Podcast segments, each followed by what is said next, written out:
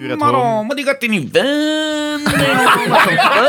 Kijk wat je aan het doen is, abo. En weet je wat echt, dat is een Belg, hè, joh. Dat is een Belg, maar dat die ganse Italianen van de weg. Die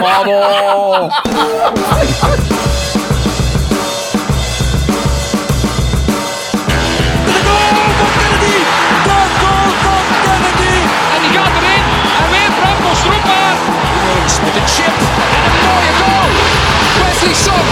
Oh, wat doet hij? Een formidabel doelpunt. Larry. Ja hoor. Ja hoor. Jeff Taylor. De paal denk ik. Op het hoofd van Zokora. Een bombardement. En Genk blijft overeind. Samatta. Het is 3-1 voor Racing Genk. Dankzij de trouw van Theo hebben we een weekje extra congé gekregen. Hoewel een trouwfeest moeilijk congé te noemen is, maar hier zijn we dan met een zeer gestoffeerde aflevering. Het zijn maar wel weken. Ik kan al meteen nog een nieuwtje eh, verklappen. Straks heb ik ook mijn medische testen op het, eh, op het sol. Eh, die ring zit namelijk nog maar eh, een week rond mijn vinger te blinken. Of ik zit al midden in een tijdelijke verhuis naar Genk. Jawel, ik kom eh, naar Genk. Het is dus een waar mirakel dat we deze week nog tijd vonden om met een intussen bekende Genkenaar rond de tafel te zitten. Anthony Palaya is onze centrale gast. Via de voorrondes van Welcome to the AA haalt hij nu de, verfpot, eh, de vetpotten liever van The Real Talks. Luister goed en aandachtig, want op het einde van de aflevering hebben we nog een kleine verrassing in petto. Ja, zeker. En om deze aflevering al helemaal te voeren alsof we op café zitten, schuift panelid Wim mee aan. Want Anthony en Wim, they go way back. En zoals bij elke The Real Talks hebben we het ook vooral over voetbal. Meer bepaald het voetbal van u en onze favoriete blauw-witte. Onze slogan luidt ook niet voor niets. The Real Talks, want in de media gaat je het niet rap horen. Inderdaad. Eh, van de Europa League loting over Ike Ugbo en Pierre Duomo tot de paars-witte oogkleppen van Roberto Martinez. Allemaal powered door de 5G die van de CGK Arena moeiteloos tot hier geraakt. Jazeker, deze aflevering staat bol van de Genkse voetbalactualiteit. Welkom beste Genkies, je luistert opnieuw naar een nieuwe aflevering van The Real Talks.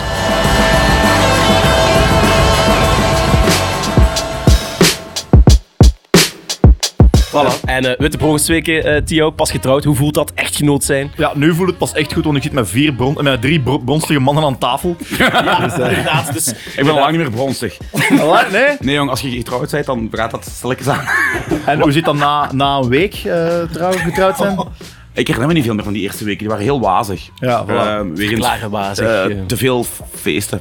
Te veel feesten. Met de bruid natuurlijk, hè. Ja, ja, ja, met Geen eh, verkeerde dingen denken. geen bacchanalen met, Nee, nee, nee. eh, met de Dat bruidsmeisjes was of zo. trouwfeest tot eh, zes, zeven uur s morgens. Ja. Dan een paar uur geslapen en rechtstreeks op huwelijksreis. Ja. Wat je, wat je ook niks anders doet dan eten en drinken.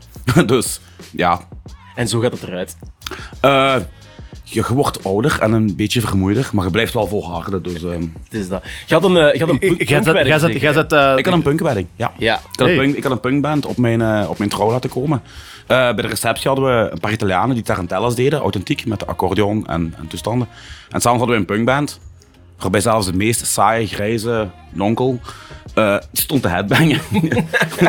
dus ehm, ja, een dros mosh op mijn, op mijn trouw. Dus, eh, af. Bij Ja. mij was het Polonaise. Zaragoza van eh, Jimmy Vrij. Ik ben eh, al blij dat er niet met de, met de servietten is gezwaaid op uh, Lac de Connemara. Dus, eh, Ja, dat waren twee veto's van mij. Geen Lac de Con- Connemara en geen Polonaises Ja, trouw. Dat was bij mij helemaal een fiasco. Die, lag, die Connemara is natuurlijk wel gedraaid, want we hadden een DJ uit Erps Querps. nu al legendarisch. Een DJ uit Erp. DJ Ronnie. Ja. Met zo'n snor zo nog. ja, ik weet niet wat eh, eh, onze eh, DJ die we normaal geboekt had, had afgezegd. Maar ik heb iemand anders. En ja, die kerel die had dus geen platen bij. Eh, maar goed, op een gegeven moment zet hij natuurlijk, hè, die Connemara af. En er was één probleem, er waren geen servetten meer. En je ziet al die tanden en nonkels zo verdwaasd rondkijken. Waarmee moeten we nu in godsnaam gaan zwaaien?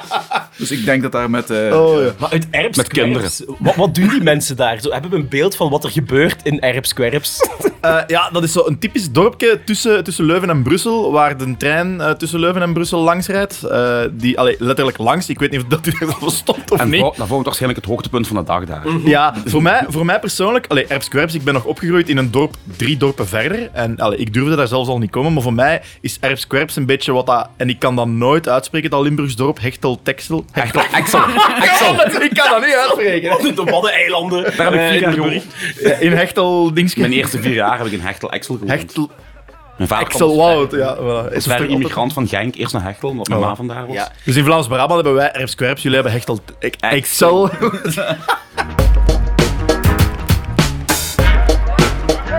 En is het daar, Anthony, in het befaamde hechtelteksel dat uw liefde voor het schrijven begon? Is het daar, is het daar allemaal eh, ontsponnen? De, eh, onrechtstreeks is daar wel mijn voorliefde voor het macabere begonnen.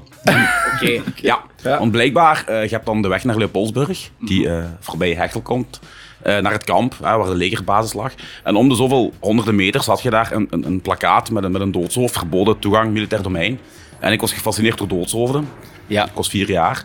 Dus als ik een beetje onrustig werd thuis, dan pakte mijn ma me in de auto mee, hoppakee, langs de baan. En dan kon ik naar de dooskopjes wijzen van, oh ja. En dan ging ik naar huis en dan was ik terug, oké, chill.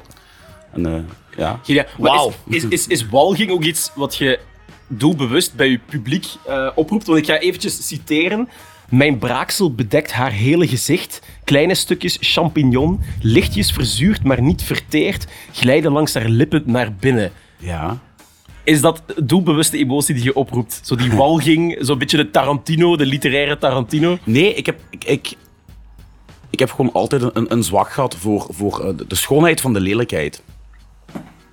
Ik vind dat, ja, gelijk de, de marginaliteit. Ik vind dat iets moois om te zien. Niet om er zelf in te gedijen en te leven, maar eh, zo... Ja, geuren en kleuren en, en rottigheid en, en, en vettigheid. En ja, dat doet iets met mij. Ik vind dat schoon om te zien, niet om het zelf mee te maken, maar... Ja, het is wel een rode draad in mijn leven geweest. Hoewel ik zo helemaal geen vibe heb van mijn eigen huid. Ik ben een gelukkige jongen, maar dat heeft me altijd wel eh, aangetrokken, ja. En hoe heeft zich dat dan eh, vertaald binnen een, een jonge of oudere Anthony van ik ga dat beginnen neerpennen? Goh. Ik heb eigenlijk altijd al geschreven, zolang ik me kan herinneren. Zelfs al als kind, kort verhaal. Dus ik ging ook altijd met mijn fietsje naar de wijkbibliotheek, vijf boekjes halen. Meestal Paul van Loon, Alice Bertijn, zo de, de horrorschrijvers. Ah ja, Libertijn, ja. ja. En ehm, ja, ik schreef altijd, tot eh, ook in het middelbaar, tot ehm, ik voor mijn examen in het tweede middelbaar een parabel moest schrijven over het ontstaan van de wereld. Ja. En de docent mij daarna eh, bij me riep en zei van, Anthony, zit je, is het oké met u? Ik zo, ja, hoezo? ja, ik vind het te cynisch en te zwartgallig wat je op 14 neerschrijft hier. Ik zo, ja, maar dat is Dus- mijn ding, hè? Had dat dan zoiets weg van Godverdomse dagen op een Godverdomse bol Nee, van Dimitri nee. Verhulst? Nee. Dat was toch ook zo'n beetje in die... Ja, maar nee, dat was meer, voor mij was meer nihilistisch. Nog ah, nihilistisch. dus niet zo cynistisch. eh, eh, Nee. Uiteindelijk gewoon dat, dat uiteindelijk alles vergaat. Daar kwam het op neer. Ja. Er is geen doel. Ja. Dat is, dat is mooi, dat is hoe dat ik tegenwoordig over het leven nadenk. Na een Als ik, als, ik, als, ik, als ik alleen ben en te veel gedronken heb. Friedrich Nietzsche is er ook net bij komen zitten. eh. En dan, ja, want ik had die vraag opgeschreven. eh, ik had gewoon gezegd, ja, met wie ident- id- identificeert u het meest? eh, Dimitri Verhulst of Charles Bukowski? Bukowski, zonder twijfel. Verhulst, eh, is niet echt Nee, mijn nee, ding. oké. Allee, ik respect voor hem als schrijver, maar eh, qua identificatie is sowieso Bukowski, En wie eh, nog? Camus, Camus. eh Welbeck en eh, Brad Easton Ellis.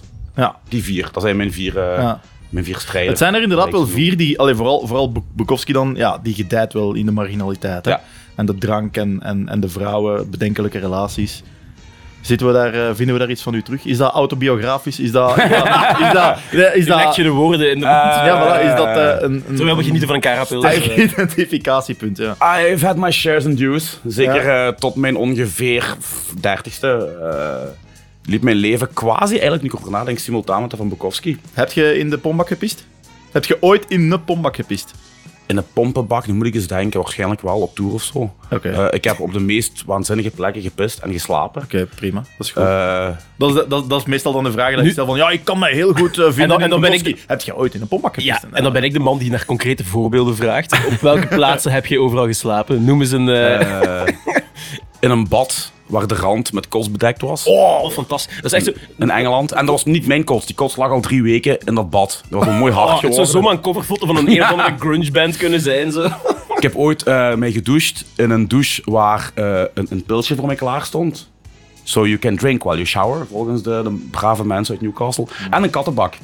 Stond ook in die douche. Met nog, ja, katten, Dat is, dat is zo'n random samenraapsel van Ja, ja, ja. attributen. En door al dat, en door al dat vocht van die in douche is die eh, kattenbak zo één harde steen gewoon. Ja, ja, voilà, correct, correct. Ik heb ooit liggen slapen eh, op een vloer.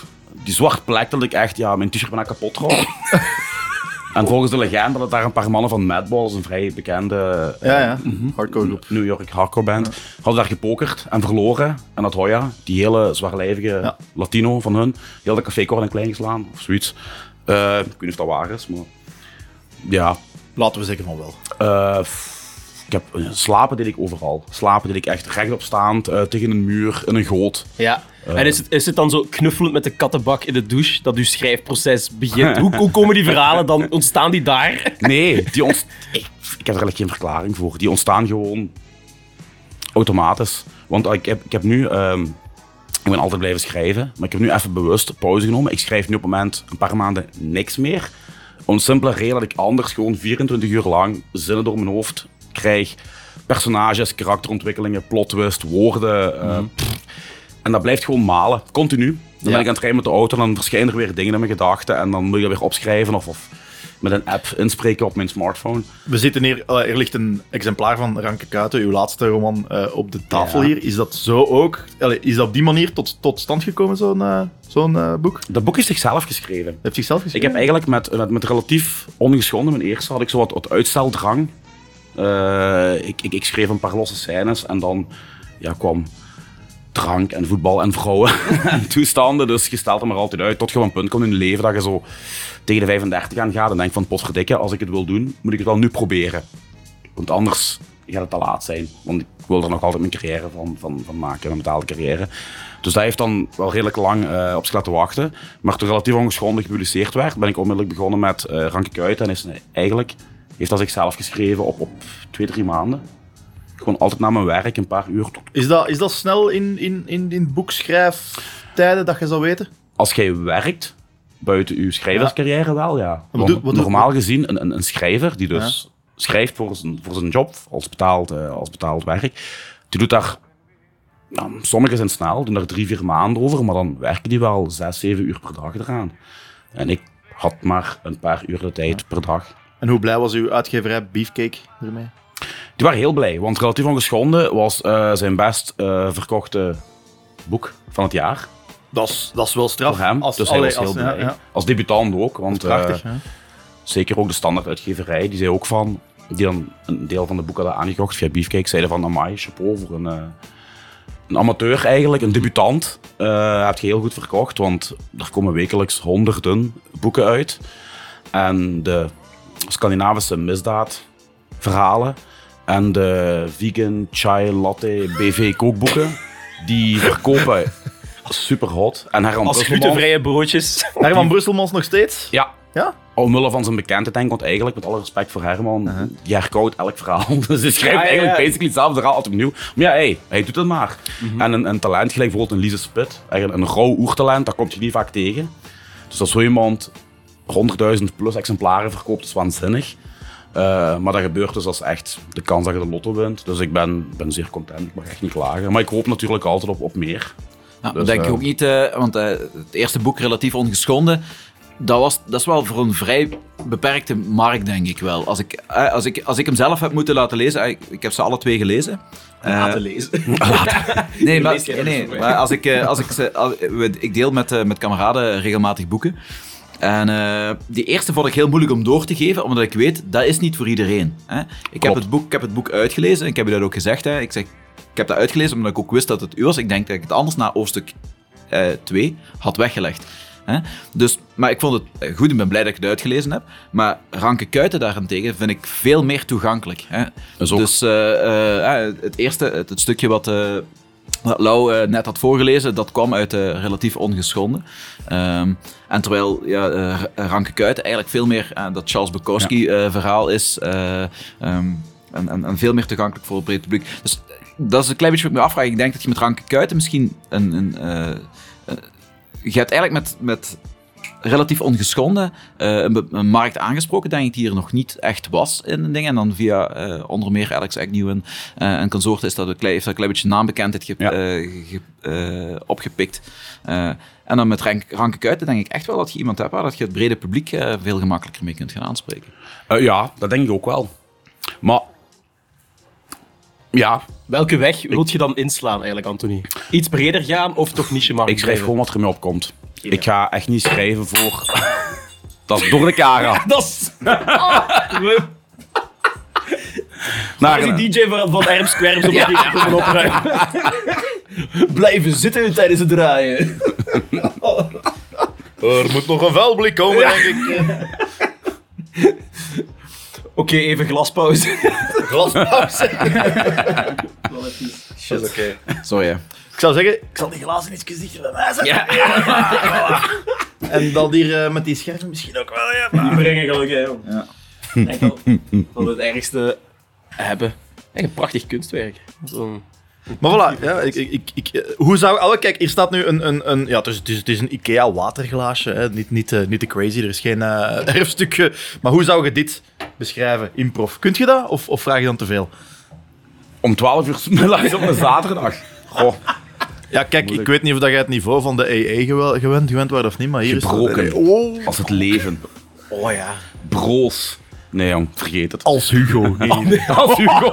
Er is al een klein, er is al een klein bruggetje geslagen. we hebben ook een Zuid- ik ook al zeggen.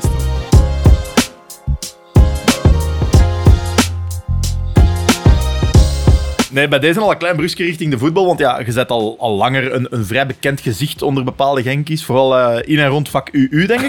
Dat het ik gebeurt. denk misschien ook wel dat er een periode op de, op de staantribune en vak K vroeger misschien gaat bij zijn geweest, of niet? Vakani, eh, de E- het, het oude E. Ah, E, wil ik zeggen, ja. eh, als tiener. Dan verhuisd naar eh, F. Aan de overkant, de bocht. Ah ja, oké. In jaren oké. 2000. Ja. Waarom Eh, juist? Dat is zo, dat is zo, dat is zo een bepaalde plaats. stil stuk. eh. Dat waren de ultras. Ah, ik ben, dat ik was ben toen met een ja, deel... we zijn toen casual geworden met een paar man van het EVAC. En we zijn dan als, als jonge snaken rond de 18, eh, 19 eh, naar de ultras gegaan. Ja. Een paar jaar. Juist, dat was de, ik was al vergeten dat die in de, in de hoek F. gezeten. Ja. En daarna zijn die verhuisd naar, vak P we verhuisd naar vak P. Dan ben ik even on the lost geweest. Ehm, en ik denk dat het daarna al Tribune Zuid was, hè? Ja. Ja. Nee, nee, nee, nee, nee, nee, nee. Nee, nee, voor vak P, tussen vak P en vak F, was het nog vak UU. In het, toen het nieuwe stadion gebouwd werd. Toen zaten de ultras en de casuals in vak UU, waar we eigenlijk nu terug zitten, dus de cirkel is rond. Cirkel rond. Ja, Even lost, but not forgotten. ja. En, inderdaad. en hoe is dat? Allee, want ja, eh, hoe is het op het voetbal sinds je twee boeken gepubliceerd hebt? Eh, Ik ben klampen mensen nu aan? Vragen Een paar. Ja, toch? Hè? Ja, een paar. Zelfs toen ik op de boekenbeurs moest signeren, kwam er iemand naar mij toe. En die zei van, ja, ik zit in vak UU, hè. Ik zo, ah, ja, ik ken u niet. Maar ja, die, die zat dan een aantal rijen voor mij. En van, ja, eh, toch chic, dit en dat. Nu, het is... Het aanklampen op zich, ja, dat is een paar keer gebeurd. Maar gelijk voornamelijk op Blauw-Wit heb ik wel een anonimiteit opgegeven. Ja. Want iedereen verschilt zich achter een nek. Nu, sommigen van ons weten wel wie we zijn. Jullie Wim kende ik al langer. Ik ken nog een deel van, van het voljaar. Maar ja, over het algemeen, grosso modo gezien, zijn de meeste mensen anoniem. Kent jij die niet, die op blauw-wit zitten? Is dat, niet, is dat niet een beetje jammer als je ziet van wat voor coole mensen dat er achter de meeste, de meeste, nicknames uh, schuil gaan? Ehm, Moeten we niet wat meer open zijn op dat forum bijvoorbeeld? We hadden, we hadden, vroeger hadden we die forum-meetings, hè, eh, Ja. DK, DK-meetings. meetings. eh, iedere eerste vrijdag, Vrijdag. van een maand, denk ik dat het was. eh, in het hoogseizoen. Hoogseizoen. Eh, in. Ja, dat was eigenlijk wel hilarisch, want je, kwam daar inderdaad de gezichten achter de, achter de nicknames op En het soms match je die ook niet, hè? En- Nee, dat is zo grappig zo. Dat je, dat je, dat je zo En iemand hebt die zo zich extreem extravert gedraagt op dat forum, hilarisch is, en dan blijkt dat zo het ene zit te zijn met dat zo'n fruitsapje zo. Ice is een echte ice. Ja. ja. Het grappige was dat die discussies wat die op het forum hadden, die deden zich gewoon offline ja, verder. ja, Dus oké. aan de toog. Ja. ja en je, er was juist maar voor, de rest niemand in de hele zaak aanwezig was. Die met een twee en Romuald al met zijn, eh, met zijn Nike Air Jerusalem. Zo, zo. sokken, sokken en sandalen zo aan. Ja. Eh, maar goed, eh, ja, het hield zich wel goed staande tegen IJsland. Dat is, dat is op zich al de vernoeming waard. En dan hebben we daarna eigenlijk nog wel zo'n paar meetings gedaan. Onder andere bij Shea was dat toen Ja. thuis.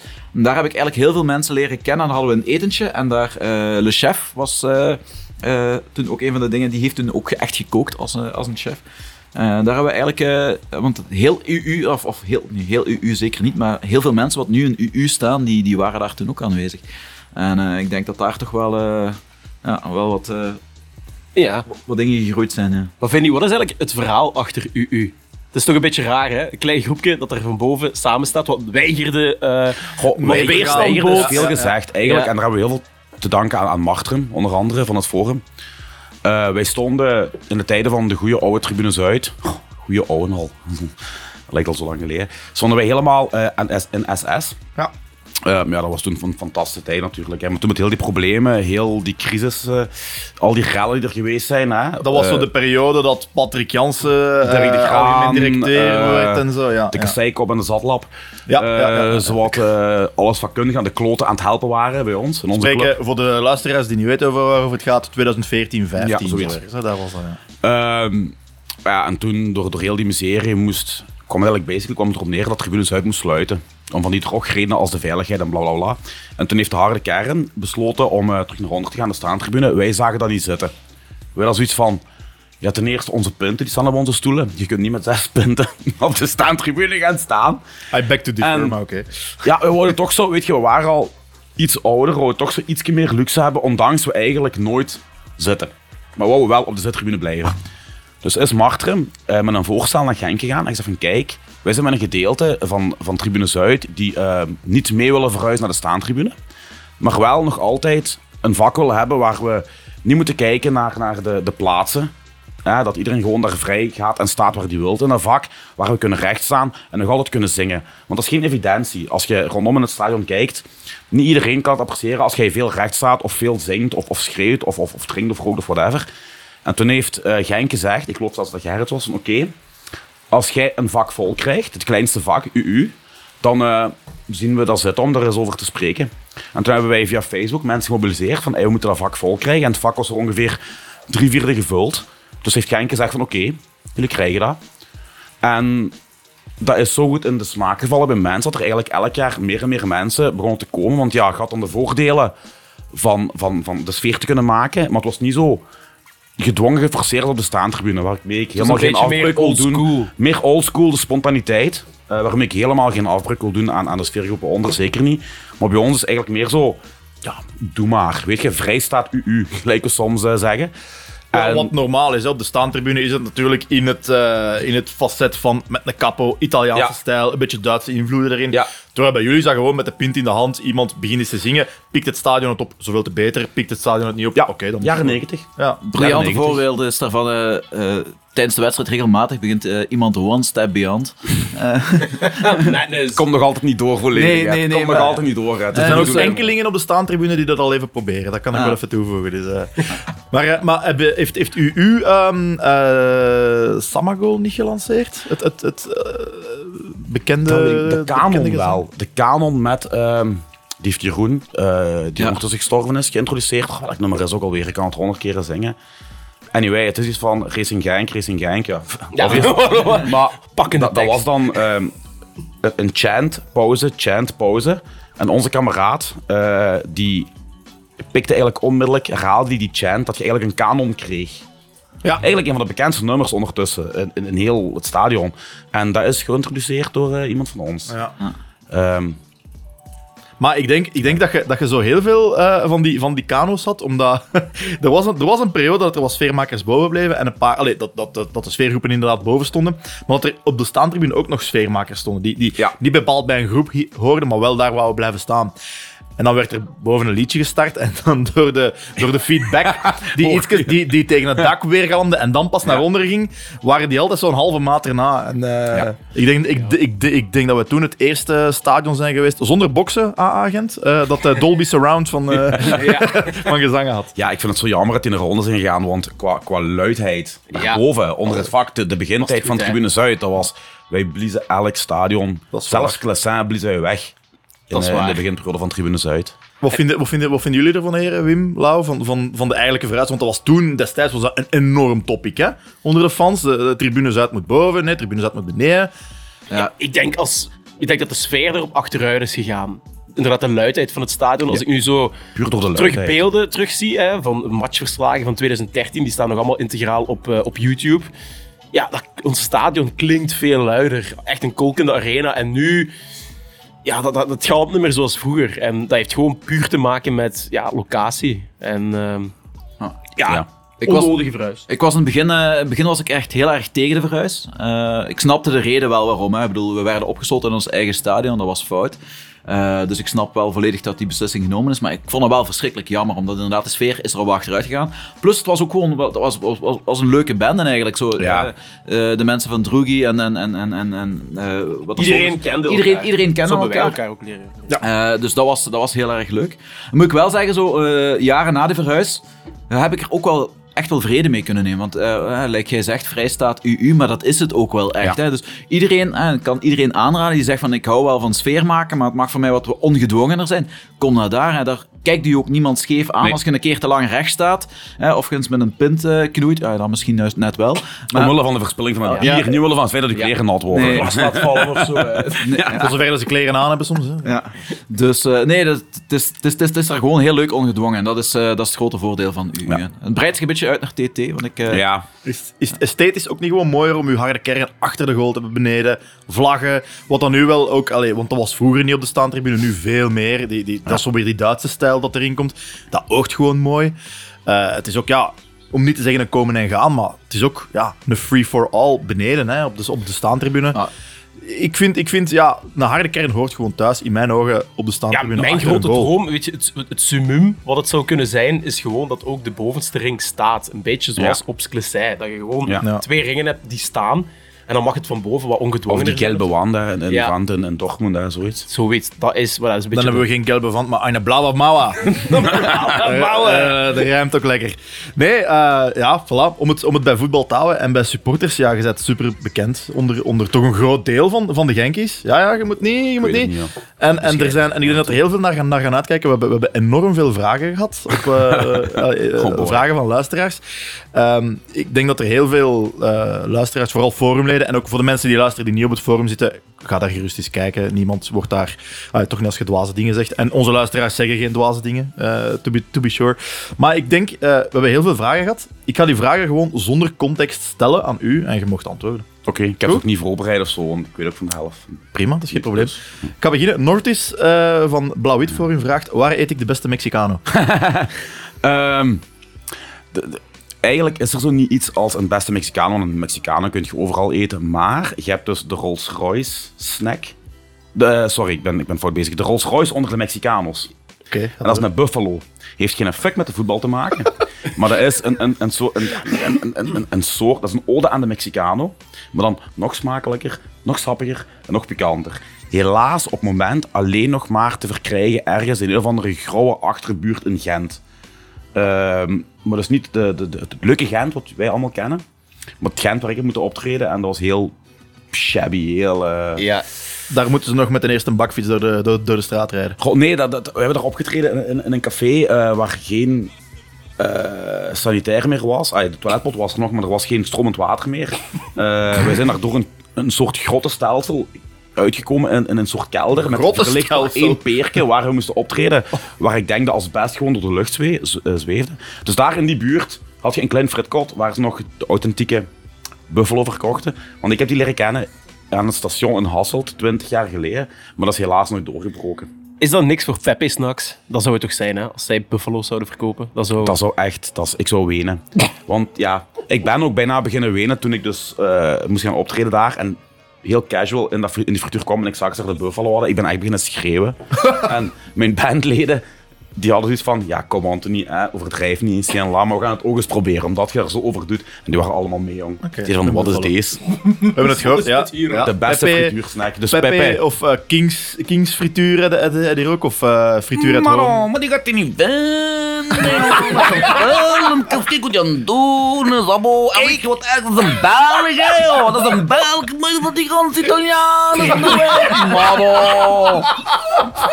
Ja, het zou maar erg zijn als ze bruin en verlept waren. hè. Goeie spek! Ja, ik hou wel van die, van die video's. Dat, dan, wordt, dan wordt mijn, mijn, ja, misschien mijn backup frituur als ik in Genk ga. Want iedereen zegt dat ik naar frituur at home moet gaan. Nee, nee, nee, Dus, de lekkerbek. De lekkerbek. Ik vind frituur at home, die De schokjes, lekkerbek. eh, Jij ging mij een, een stoofvlees tracteren vandaar als ik in Genk woonde. Dus maandag is het vandaag. Maandag is Begin- vandaag. Begin, begin maar. Nog een vraag, Anthony. Ook van een eh, mede-forumganger, Winston. Eh, die vraagt hoe het nu zit met Joke Emmers. Oh boy. Die, eh, die, die mop is echt niet, niet alleen een eigen leven gaan leiden, maar een eigen fucking samenleving gaan leiden. Gaan leiden. Ehm, Dat, Daar is helemaal niks mee. dat heb je toch wel zelf aangedaan, moet ik er wel eens vermelden. ooit één banale, om er één banale opmerking te maken. In deze MeToo-tijden misschien helemaal niet meer gepast, maar fuck it, ik geef geen fuck om MeToo en politiek correcte shit. Eh, het ging, over, het ging ja. over, over, ik denk, topmodellen en, en CNLA. En ik heb eigenlijk een degoe van die plastieke Instagram, eh beentje zijlings, handje, crap foto's ge- gefilterd door 7000 filters. En ik had zoiets van, ik vind het allemaal maar niks. Geef mij maar iets gelijk Joke Emmers, weet je, eh, met rokjes omhoog in de hooimeid. Hè? en, eh, dat is Heel heel, Rubensiaans. en dat is een heel eigen leven gaat leiden. Eh, dat, dat heel verhaal. Dus. Maar inderdaad, met die opmerking is eigenlijk niks mis. Zelfs, zelfs niet doen. En ik denk zelfs dat de eerste persoon die ermee zou kunnen lachen, Joke Emmers zelfs Ja, ik denk ik ken ook. die totaal. Ik, ik, ik ken ze als, als actrice, maar dat, dat- ja, inderdaad. Plus het ook een leuk accentje. Ik vind het Noord-Limburgs eh, een van de schoonste accentjes van heel, van heel België. Wie weet wil ze wel eens aan uw banaan zetten. Eerste, eerste kopjes leegmaken. Dat is voor een andere Gooi mij dan het kanaal in het pijl. Ja. Ja. Oké, goed, dan weten we dat. Ehm Aqua Scutum, of eh, Raf, vraagt: wat vind je van rode jassen? ja. Nu willen we ook context. Hè. Ja, ik zat vroeger net zoals uh, Aquascutum bij de casuals. En ehm, ja, het is dan de bedoeling dat... de bedoeling, je moet niet te hard opvallen als casual. Eh ironisch genoeg valt je eigenlijk heel hard op, omdat je met 50 man naar rollen met dure designerkledij aan. Dus, maar ja, zwart, dat buiten beschouwing gelaten. Ik zag een hele vette jas van McGregor eh, in Hasselt. Ik dacht, oh, die moet ik kopen. Hè. Lekker, eh, ook weer een windbestand. eh, goed voor op de voetbal en van die regenachtige dagen en CNLA. Maar die was dus knalrood. Wat niet goed is, als je wilt opgaan in de anonimiteit van een groep. Als je qua jongensstreken wilt uithalen, om het zo te zeggen. Dus gelijk bijvoorbeeld in Gent eh, was er van alles gebeurd op een uitmatch in het oude Ottenstadion nog. En de camera richt zich op het vak en je ziet al bijna niks van het vak, want daar gingen nog van die, van die netten voor. Maar je ziet keihard die knalrode jas van mij in het midden van een vak vol zwart en blauw. Dus eh, dat was niet echt... eh, Dus onze, onze bekende politieman Piet had het eh, gemakkelijk om te zeggen: ja, Je werd heel... Ja, je viel op. Ja, je bent op, de enige waar met een knalrode jas, dus dat doen we niet meer. Oké, dan ga ik er ook eentje stellen. Een van uw beste maten, Christian Moreau, ook bekend. Ja, ik ga nu niet zijn alias hier verklappen, misschien... eh, je hebt net zijn volledige naam gezegd. Ja, inderdaad. dat trekt le- Inderdaad, dat is echt zo... Oké, eigenlijk... ja, sorry, Chris. Eh, stel twee vragen, maar eentje hebben we al eh, getackeld. Hè, de, de raarste plaatsen waar je in slaap zit gevallen. Maar dan ga ik nu de andere stellen. Waarom zet je stiekem fan van Club Brugge? Ik ben geen fan van Club Brugge. Ik ben wel fan van Vos. Vos is eh, de bassist van, van, van mijn punkrockband. En spijtig genoeg, ik kan er zelf ook niet aan doen, jongen komt uit Tongeren, dus ja. Ah, echt? Ja. Ja, ja, ja. Eh, is fan van Club Brugge. En eh, dus daar moet ik mee in een band mee zitten, daar moet ik mee samenhokken, daar moet ik mee in een busje dus op tour gaan. En die heeft dan ook, om mij te kloten, hij beweert van niet, maar ik ben er zeker van, een shirt van Brugge gekocht met vossen op. van achter als een shirt. Dat is een leuke binnenkomer. ja. En eh, we hebben ook eh, via mijn vrouw eh, gemeenschappelijke vrienden. Die wonen in Ruivoorde.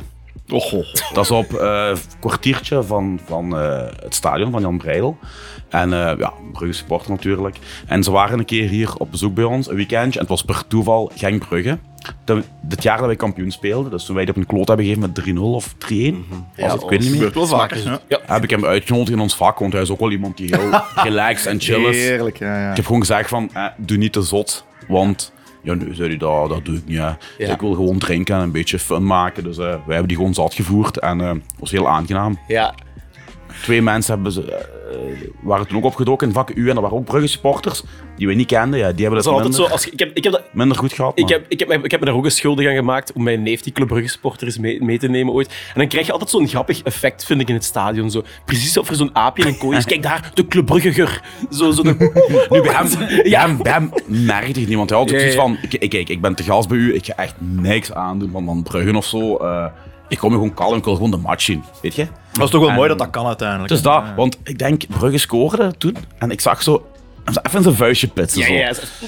Maar ja, toen scoorden wij en, en wij allemaal van... wij, zijn, wij zijn even Ja, dan heb je wel vlaggen, hè. Ja, ja. Hem nog maar een pintje halen. Dus ja, dat is goed, ja. ik, ik, ben, ik ben wel geschokt dat er wel Brugge-fans echt effectief vlak bij Brugge wonen. Want ik dacht dat die allemaal in, eh, ja. De in meeste wonen in ruraal. Brabant en Oost-Vlaanderen woonden. En eh, Erps, Kwerps en... eh, en Erpskwerps en Hechtel, Hechtel, Ah, Hechtel, Texel. Hechtel, Texel. In Limburg wonen er heel veel. ja. Tongeren bijvoorbeeld. Ik denk dat, dat drie vierde van Tongeren standaard in Brugge is. ja. Ja, dat is, standaard dat is, logisch. Dat is verloren. Standaard is logisch, maar Brugge, de connectie met Brugge ontgaat me wel. eh, Ja, heel het grappige is, je hebt dus een supportersclub eh, in, in... Kan het? Aan de kant van, van Zoetendaal, meer in Brugge. Nee, in Zoetendaal zijn geen bruggen. nee, nee. Het is ergens, anyway, het is al sinds Op ergens Grimby, in Limburg. Pilsen, Of Zonhoven. Riemst. Er is een supportersclub van Brugge. Herstappen of zo. En als die dus na- eh, in het uitvak bij ons in het GRC-stadion willen gaan kijken, moeten die dus vanuit Zonhoven naar Brugge gaan om daar de bus te pakken en terug naar Genk te Ja, komen. klopt, ja. Dat is absurd, hè? Maar ik heb ook net de bedenking, zo'n supportersclub zo in herstappen, zo die een bus vol krijgen. Dat als heel, heel tof opgegaan. ja.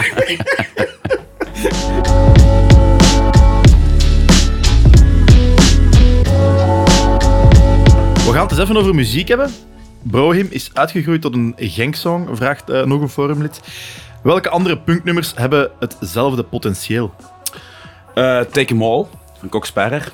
Dat ken ik niet, dat moet ik eens Maar het probleem bij voetbalnummers, eh, zeker in de punk, is je hebt niet veel nummers die wow, wow, wow, wow doen. Wat eh, Kenmerkend is voor- kenmerkend is voor een voetbalchant. Meestal niet te veel zinnen. In de punk worden nogal vaak heel veel zinnen Ja. gezongen. Eigenlijk wel. Maar dan zou ik denken, mijn natte droom, gelijk Martin me ook op het forum zegt, is de intro van de spelers. Er zijn twee nummers die ik echt heel graag zou willen horen als de spelers opkomen, gewoon om de tegenstander terug schrik aan te jagen. Gelijk we vroeger in de oude tijd hadden, als die spelers van de tegenpartij het stadion binnenkwamen, we spreken over de, de E, de oude E-vaktijden, Ja, die hadden, die hadden een ei in hun broek zitten. Dus eh, is Clobbering Time, It's Clobbering Time van heb het al. It's clobbering time! En dat is het enige wat erin gezegd wordt. En daarna begint dat dum dum dum dum dum dum dum dum dum dum dum. Dat is zo'n echte trage, oldschool... eh, Ja, eigenlijk is dat een soort hardcore versie van een chaka. Of hoe noem je dat? Daar in, in iemand Guinea. Ja, dus, dus, om, omdat, omdat ook zo dat... dat, dat ja, zo dat, dat oldschool mosje, picking, en- up, en picking dat- it up en zo. En dan dreigend. En dan heb je ook nog ehm, Nasty, maar dat is dan meer hardcore beatdown. Ja, hoe ga ik dat uitleggen aan een leek? Eh, extreem trage metal gespeeld door mensen die eruit zien als Johnny's. en dat nummer dat begint gewoon met Motherfuckers, are you ready for war? En dan boom, boom, boom, boom. Zo heel traag, heel zwaar. Akkoorden gestemd in E of zo. Trager kun je niet gaan. En dat, als je dat door een heel stadion met ik weet niet hoeveel watts ook kan laten galmen, dan... eh, Dat is iets, voor, dat is broek. iets- iets voor je bandje dan, hè. Dan kun je die Brugge supporter ook bekeren. Ja, maar tegenwoordig zing ik, ik schreeuw niet meer. Dus, Ah, eh, dat is waar. Ja, gaan we, het- gaan we eens even hebben over uw band. eh, want je hebt hem al een paar keer gedropt in eh, zo subtiel van... We gaan hem ook eens bij iets naam over- noemen, zeg iets over Steel. Justice. Steel Justice. Voor de mensen die Steel Justice niet kennen, go. Wat spelen jullie? Waar spelen jullie? eh, overal waar ze ons vragen. We, onder andere zijn we wel in Engeland geweest. En we spelen gewoon punkrock in de jaren 90 stijl. Dus eh, voor de leken, denk een Green Day, maar dan eh, vijf keer sneller. Dus het is echt, eh, echt eh, oldschool punkrock, maar nog niet echt skatepunk. Jawel, het is pure skatepunk. Skatepunk, ja. het dus in het trend van NoFX, Ja, Lagwagon, ja, ja, ja, ja. dat soort RX Bandits, of is dat al iets te experimenteel? Nee, dat is al iets te rustig. Ja, RX rustig, Bandits. experimenteel, rustig. Ja. Meer zo, ja, Bad Religion, Good Riddance, Lagwagon, NoFX. Zijn jullie Eh, te vinden op Spotify of iets? ja. Mag ik een stuk van uw muziek monteren in deze podcast? Zeker. Dan ga je dat nu doen.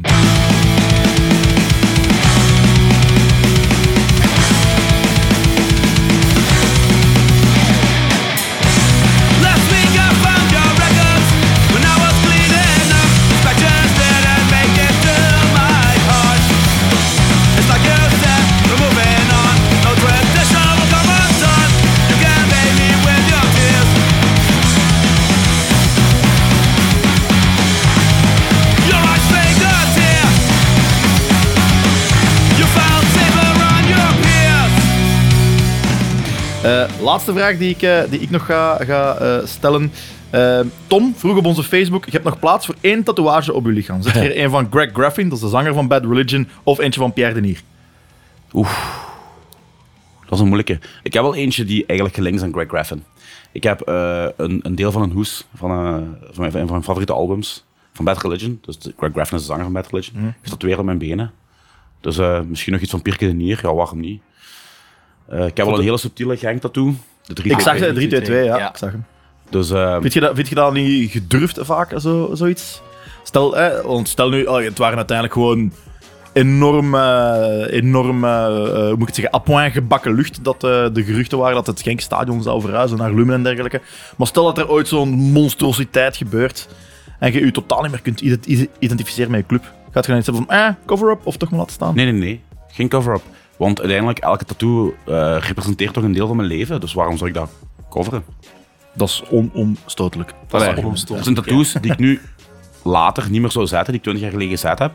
Maar waar ik geen spijt van heb. Omdat ik dat iets van uit die tijd was. Dat is iets vanuit die tijd, dat is iets wat, wat mijn leven toen eh, gevormd heeft. Eh, dus nee, no regrets, jong. Sowieso niet. Van geen enkel tattoo heb ik spijt. Ik heb zelf ook nog eh, één vraag, Anthony. Welcome to the AI. Hoe is dat in zijn werk gegaan? Hoe zijn ze bij u uitgekomen? Heeft Alex u zelf ge- op speedcall gebeld van Anthony, kom eens even naar ons? Of hoe is dat in zijn werk gegaan? Ehm, Alex heeft een, een geweldige co-host, de Andries, Andries Bekkers. Andries heeft in hardcore bands gespeeld. En ik ken hem zo'n beetje van de hardcore scene. Ik heb, ook, ik heb ook een aantal keer met hem samen op de bil gestaan, de bil gedeeld. Eh, wat geen cadeau is, want die kerel die blaast alles omver met zijn bands. Als je daar voor of daarna moet spelen, is van shit. Hallo. Ehm, Heeft die Dries vervangen bij de setup? nee, hij heeft met Dries in de setup gespeeld. Dries de is een zanger. eh, Ik herken zijn gezicht van ergens van. Hij is de, de gitarist, of de bassist, ik weet het niet meer.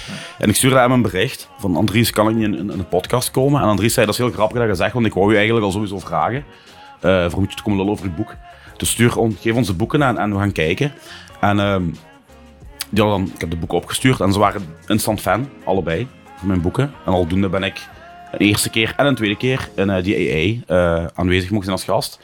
Eh, dat is heel goed meegevallen. Ja, die mannen hebben gigantische exposure. Hè. Dat is, Alle- Alleen op YouTube hebben die al gemiddeld tussen 10.000 en 20.000 Dat luisteraars. staat in de top 5 van Belgische podcasts. ja. hè. Ja, ja. Dus, En toen ik, de aflevering dat ik geweest was, op dat moment, als je dan iTunes, Spotify heel goed uit optelt, was dat een van de, dat was de best beluisterde podcast op dat moment in België.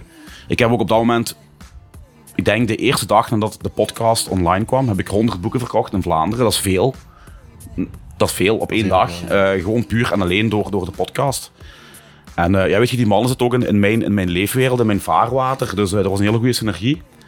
Want ik wou net zeggen, van, je hebt veel eigenlijk gemeen met zo de types zoals Alex Agnew en Ja, zeker. zo, zo het, het, het, het humoristische, dat, dat literaire, zo die walging, controversie. Ja, Podcast, want je hebt zelf ook je, eigen podcast Ja. nu, je eigen horror Film, ik heb, film. ik heb er Film. twee. Ik heb de peperkwekerij en, en de klokslag 80s, 12. eh, ja. fascinatie, zodat allee, Ja, zeker. heel wat overlap met, Ja. met Alex.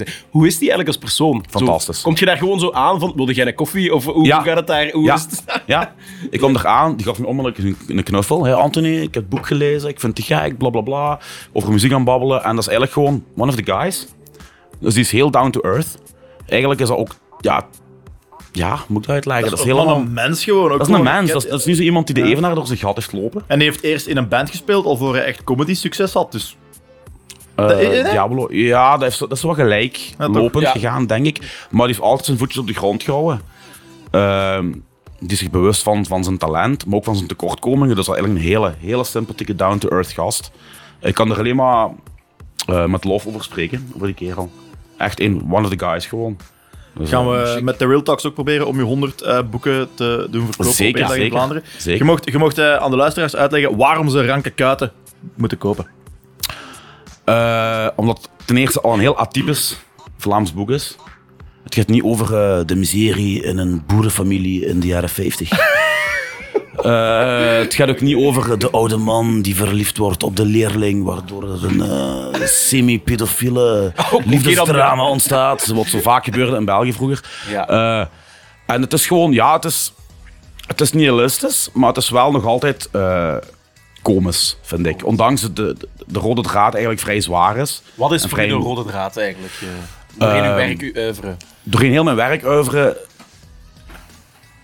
dingen die altijd, thema's die altijd terugkomen, zijn het nihilisme, het fatalisme, het vluchtgedrag en eh, de, de, de, de schoonheid van de marginaliteit en de pure haat tegenover de hele mensheid eigenlijk. Ja. Ik ben niet bepaald een, eh, een filantroop. dat is ook vrij duidelijk in, in, in al mijn boeken. Ja, ik ga daar direct op inpikken, want eh, ik, heb, ik heb het boek deze week gelezen. Ik heb dat in één ruk uitgelezen. Eh, dat En één ruk, dat is ook heel mooi Ja, in de eh, vibe van mijn boeken, want er wordt veel gerukt in mijn boeken ook trouwens. Dus in ene ruk. eh, en was het een... ja, Ja, ja, oké. A good wank. Misschien, Ja. misschien, iets, misschien, Proper wank, maar... misschien dat we voor mijn familie iets moeten knippen nu, maar... nee, maar ik, ik, ik, eh, ik vond het echt... eh, ik lees veel.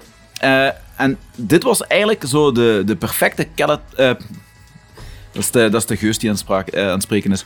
De, de pallet cleanser, zo, eh, het was zo eh, het perfecte boek op het juiste moment. Zo. Ehm, ik heb dat in mijn, in mijn review op, op Goodreads ook geschreven. Zo van, het moet niet altijd zo super verfijnd zijn. Dit is gewoon zo het ideale boek dat je op ieder moment kunt lezen. Want daar, daar, ik, heb, ik denk dat het boek voor u heel therapeutisch gewerkt heeft. Want je kunt inderdaad... Je kunt wel wel zo wat frustraties van u afschrijven. hè, maar toch was het nooit zwartgallig zo, weet je. Het was cynisch, maar het was nooit zwartgallig. Er was altijd wel zo de leuke vriendschap eh, tussen de collega's. Eh, er was altijd wel iets, eh, iets roze aan, aan het einde van de, van de, van de horizon. Dus dat was, was wel goed. Nee, ik, ik, ik, ik kan het eigenlijk alleen maar aanraden. Het is Dank u. een zeer goed, een zeer leuk leesstuk. Ja. Dank u. Het ex- exclusief boekje wat ik bij de pre-orders eh, aan, aan, aan, aan- aan de mensen gratis gegeven heb, is niet zo. Daar zit dus geen roze tintje meer aan, dat is pure zwartgalligheid. Ja. En ik heb al berichten gehad van mensen die zeiden van Anthony, ik vind het heel leuk, maar ik moet even stoppen, want ik zit niet zo goed in mijn vel. En als ik wil verder lezen, dan gaat het volledig fout gaan. Ja, vandaar de zwarte cover. Ja, Ja. Daar reken ik finaal af met de mensheid. Ranke Kuiten was een opstapje. En in, in Dans met Tijgers reken ik echt finaal af. Heerlijk, kijk er naar uit. Geniaal. Ranke Kuiten ligt nu bij uw favoriete eh, dagbladhandel. Overal, overal, overal eh, op te rapen. En we komen zo dadelijk eh, op, bij de Onze Outro nog eventjes terug op het boek, want daar gaat onze verrassing natuurlijk ook nog over. Dan stel ik nu voor dat we naar het voetballuik van vandaag gaan, gaan, gaan schaatsen na een, een, heel, eh, een hele uiteenzetting. De Ik ga- Europa League loting, hè? Ja, ik ga gewoon met de deur in huis vallen, heren. De Europa League loting. Wat vinden jullie ervan? Is dit een aantrekkelijke poelen of niet? Dit is voor mij de zaligste poelen die we konden hebben, joh. Zowel sportief gezien als, als, als de aantrekking, van, als de aantrekkingskracht van de affiches. Ah, ik bedoel, kom aan. We zitten niet in, in, in fucking de uithoeken van, van Rusland of, of, Ja, of niet zo ergens weer op een, eh, op, op een cold rainy night in Azerbeidzjan. Ja, voilà. ik bedoel, je hebt, je, hebt, je, hebt, je hebt ploegen met, met naam en faam die ook nog eens haalbaar zijn, waar we nog punten tegen kunnen rapen. Waar ik eigenlijk wel... Ik, ik, ik mik persoonlijk op, op minstens een tweede plaats. Zeker met de kwaliteit die we nu hebben in onze ploeg. Ehm, en ja, ik vind het een fantastisch affiche. Ja, ik sluit me daar volledig bij aan. Ik vind echt waar, eh, als ik op voorhand had mogen intekenen op een poelen, dan had je altijd voor, voor, voor eentje als deze getekend. Hè. Eh, ik denk Zagreb eh, verliezen van Sheriff Tiraspol hè, eh, in, eh, in, in de voorrondes. Die, zitten, eh, die hebben wat verkocht, die, zitten niet goed, die zijn niet goed bezig. Eh Rapid Wien heeft net een beste speler verkocht. Ehm, dus ik denk het juiste moment is om te treffen. Alleen West Ham is normaal buiten proportie. Maar ja, de enige vraag die je dan moet stellen is van, eh, hoe serieus pakt West Ham die Europa League eh, aan? Die staan nu... een affiche moet je sowieso hebben, ook voor die Europa League abonnementen te verkopen. Ja, en absoluut. absoluut Ja, ja. zeker. En met wat chance kunnen we die mannen pakken, jong. Ja. Ik denk het, dat het thuis ook mogelijk is. Ja, we, hebben het, we hebben het ook al geflikt met Sassuolo en dergelijke. Natuurlijk nog een iets ander Met Dynamo. Kiev. Dynamo Kiev. Bij West Ham speelt wel ene Thomas Suchek, die Slavia Praag onder zijn vleugels nam eh, toen die ons hier voetballes zijn komen geven. Ja. Nu, Dus, West eh, Ham is ook altijd een heel wisselvallige ploeg geweest, hè. Ja. Staan wel eerste nu in de Staan Premier League. Aan op, op het moment van opname toch? Dus, Maar eh, ik denk ja. inderdaad, dat is denk ik eh, de vra- het vraagteken wat ik bij West Ham heb. Hoe serieus gaan ze die Europa League hebben? Want ze hebben genoeg talent in die kern om die, eh, om die beker te winnen gewoon. Ja, dat is ook... Eh, en dan denk ik Antonio, die, die, die, eh, die, die spits, eh, dat is, eh, dat is, dat is de, de jonge Lukaku. Ja. En misschien nog net wat beter. Dus, maar gaat hij tegen ons spelen? Ik denk van niet, want dat is de enige fatsoenlijke spits die ze hebben. En de, de, eh, zeker als ze wat bovenaan gaan meedraaien, gaat de focus altijd liggen op de Premier League. Dus op het moment van treffen gaat heel erg belangrijk zijn. Eh, dan kunnen we daar misschien wel wat tegen maken. Maar ik zou echt gewoon voluit voor de eerste plaats gaan. En, Ja, en, en, en, en, en stranden we dan tweede, is het tweede. Eh, niet vergeten dat die derde plaats ook nog eh, Ja, een eh, garantie geeft op voetbal na Dus nieuwjaar. ik denk Dus- eigenlijk dat, dat kwalificatie wel een must is. Zeker met dat systeem nu, Ja. eh, dat eh, de eerste drie zich kwalificeren. Ja, In dat dus- opzicht is de oprichting van de tweede Intertoto League, ook al bekend als de Conference League, eh, wel een, een, een, goed, een goed ding geweest. Hè? Ja. Want de affiches zijn een pak aantrekkelijker geworden nu in, in de Europa League ten opzichte van, van de jaren daarvoor. Maar ik zou niet in die Conference League... Of, eh, ha, pas op. Ja, ja. Voor, voor de away games, Ja, voor, de, ja. voor de belevenis. Voor de, voor, voor de belevenis wel, maar, maar, als voor je de gewoon rest, de, de clubnamen nee. ziet... Ik, Nee, ik nee. herkende Ik FC niet. Ba- Basel, Nee, maar- Feyenoord, maar voor de rest... Voor de rest, Roma, Dat, Roma waren- Tottenham dat, dat, dat, tussen, dat dus, was eh. een en al spraakgebrek. Zo smurte, kuchne, kul. Ja, maar Dat was, eh, het zijn wel, het zijn wel allee, als Ja. je daar als Genk zijnde in die Conference League ziet, heb je wel iets van halve finale. Ja, waarom niet? Ja, maar ik... strand liever in de achtste finale in de Europa League tegen een goede ploeg dan stranden in de halve finale of zelfs in de finale van de Conference League. Want Ja. dat is toch nog altijd zo... Het, het, het- en niet het kneus, ja, jawel. Het klinkt al bijna als je er aan meedoet van je moet hem winnen. En dan, Ja, je je kunt er je kunt, alweer je niet kunt in de. Conference League, ik heb het net even opgezocht, eh, winnen tegen de Lincoln Red Imps. Ja, wat is dat? Ja, Waar, dat- waar- is welk land Eh, komen die geen mens überhaupt? weet waarvan die komen. Dat is eh, waarschijnlijk een ploeg die niet echt bestaat. Maar, Bladvulling. maar blijkbaar, blijkbaar heb ik gelezen, die hebben acht voorrondes eh, wedstrijden moeten afwerken. Die hebben daarvan één van gewonnen. En die zijn er toch, er zo bij. Die, die hebben altijd met penalties gewonnen van die toestanden. Dus eh, is- meer Anderlecht is er eh, niet bij. Ja, Vitesse bleek eh, Prachtig. een maatje te sterk. Ja. Dus eh, nu, ja, ik vind die Conference League inderdaad ook wel leuk. Ik zou daar ook nog van eens ooit willen belanden. En, eh, Ja, maar- Maar dus, wij zitten in de Europa League. Ja, stel, eh, fans zijn toegelaten op bezoekende... allee, bezoekende fans zijn toegelaten. Waar gaan we jullie terugzien? Ik zou heel graag naar eh, Wien gaan. Om de pure simpele reden. Ik zou ook heel graag naar West Ham gaan, naar Zagreb. Maar ik heb een hoogzwangere vrouw zitten thuis. Die gaat bevallen eind november. Dus het lijkt me niet opportun om zo eind oktober naar Engeland te gaan. Nee.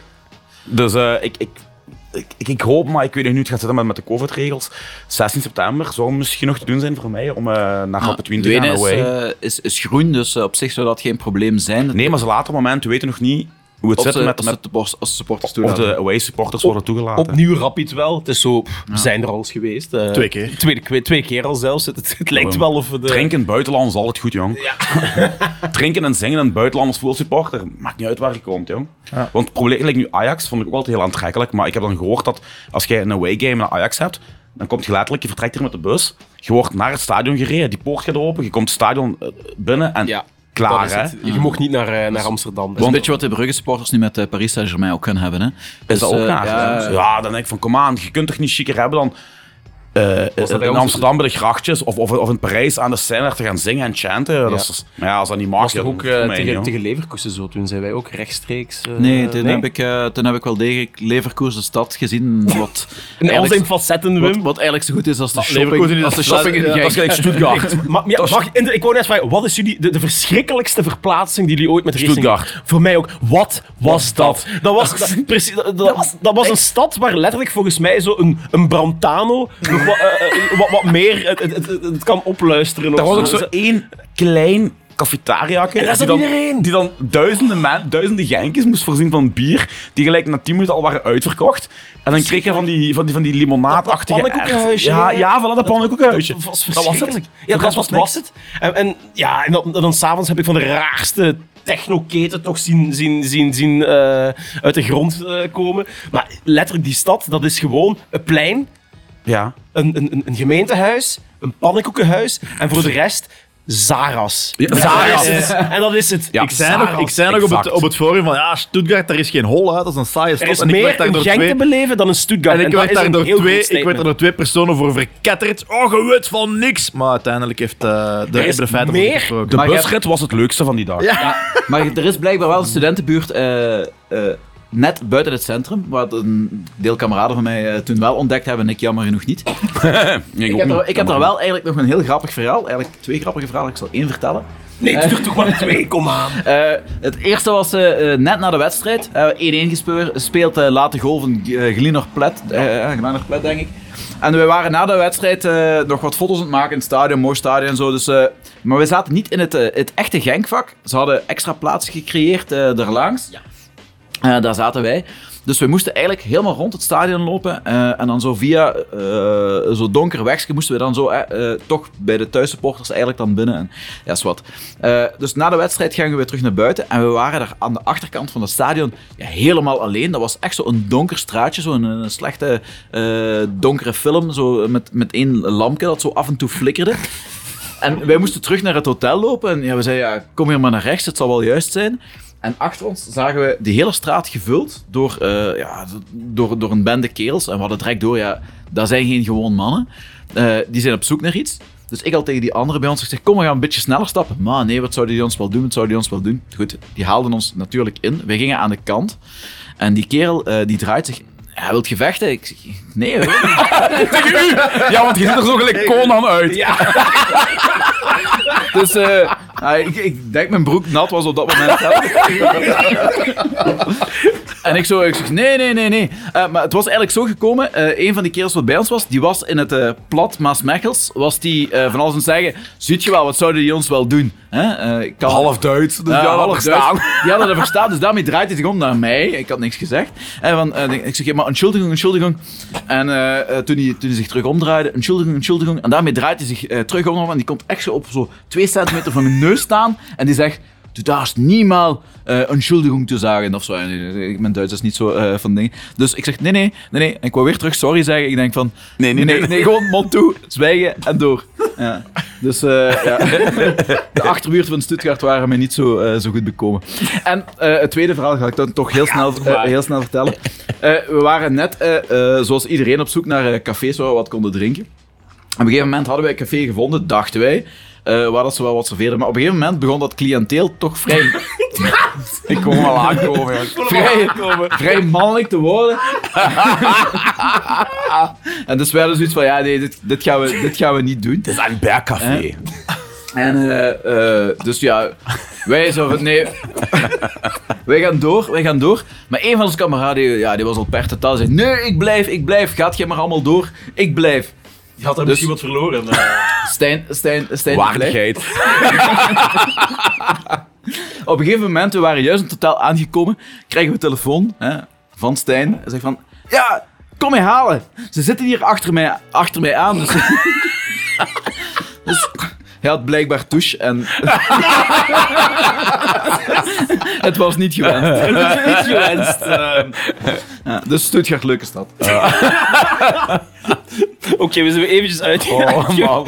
uitgebreid over, over, over Stuttgart. In die, in die optiek, de Bad Blue Boys van Zagreb komen ook eh, naar Genk. Hè, dus, eh. Ja. Ja, wij gaan, eh, ik ga ramtoeren spelen. Ik ga mijn pintje pakken. Wacht, ik ga ram, mijn ramtoerist of ramp? Nee, nee, ramptoerist. ik ga mijn, ik ga mijn een half liter halen. Ik zet me aan de hoek van de HEMA. Nee, van de H&M.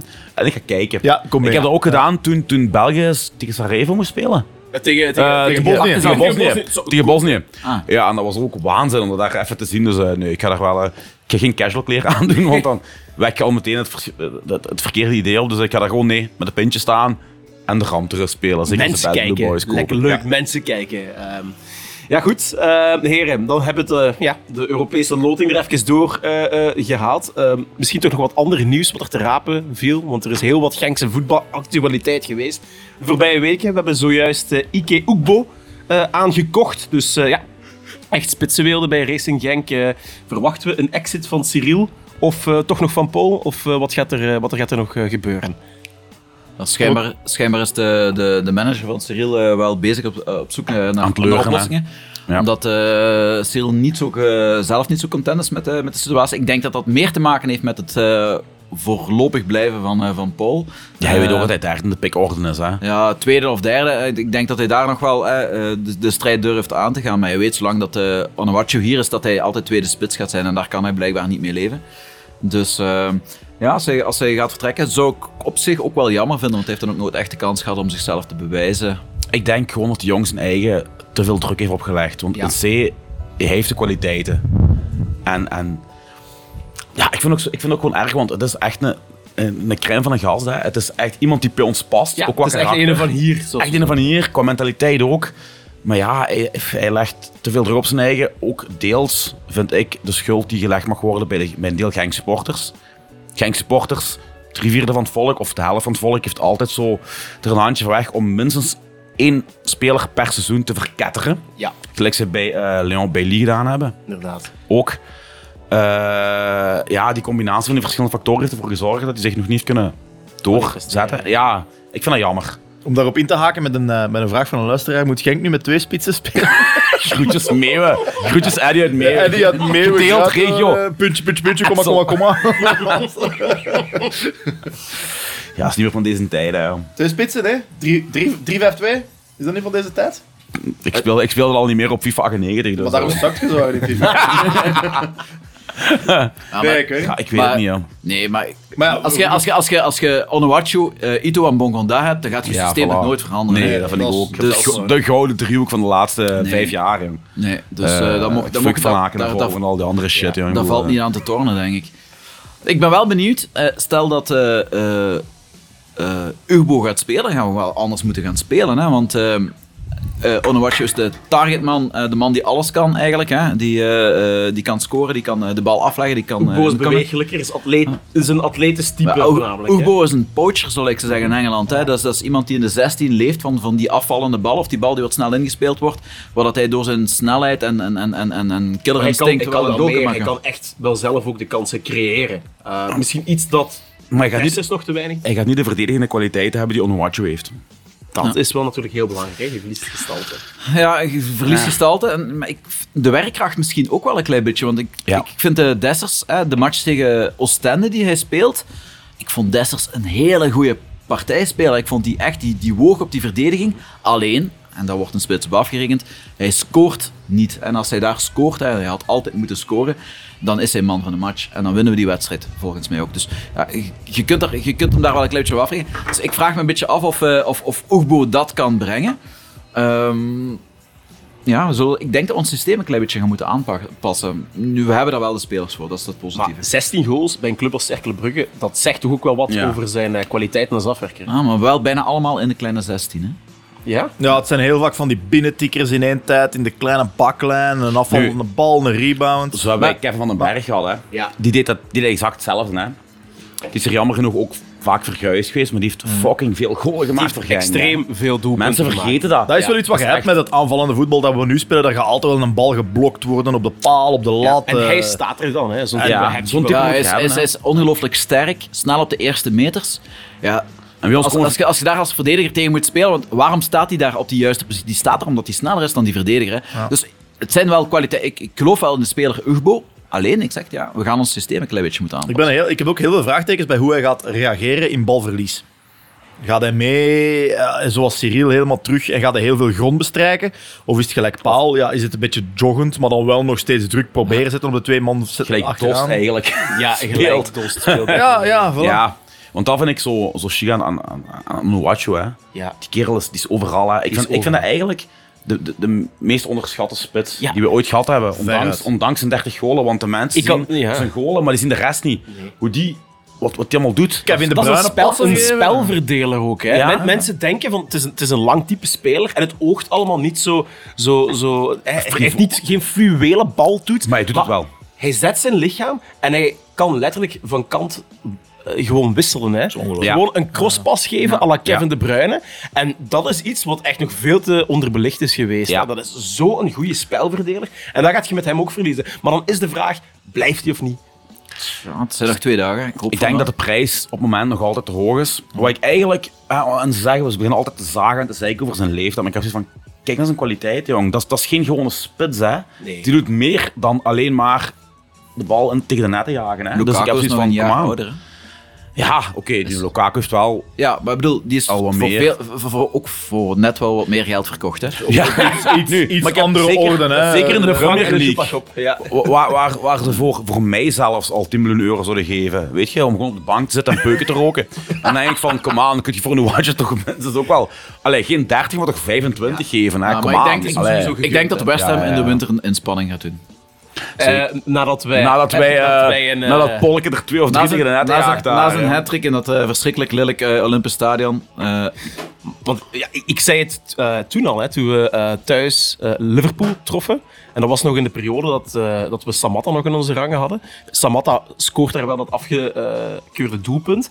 Maar toen Paul inviel, die laatste 10 minuten, dat, die was echt een geesel voor Van Dijk Ja. en co. Hè. Ja. Dat was niet normaal. Maar toen stond hij nog lager eh, in onze pickorde. En daar hebben we er niet echt op gelet. Maar als je die beelden terug bekijkt, dat was echt een steengoede invalbeurt. En, en die deed echt Van Dijk op een gegeven moment verbleken. Dus hij heeft gewoon de kwaliteit om daar mee te draaien, sowieso. ik herinner mij zo, dat is mij altijd bijgebleven. Er is zo'n eh, eh, wedstrijdfragment waar dat eh, Paul tussen drie Liverpool-spelers, waaronder Van Dijk, Ja. die bal afhoudt. Hè? En, en Ja, drie man ja, waren ze aan het sleuren, aan het trekken. En, En ze kwamen aan. er niet aan en hij kwam daar nog goed uit.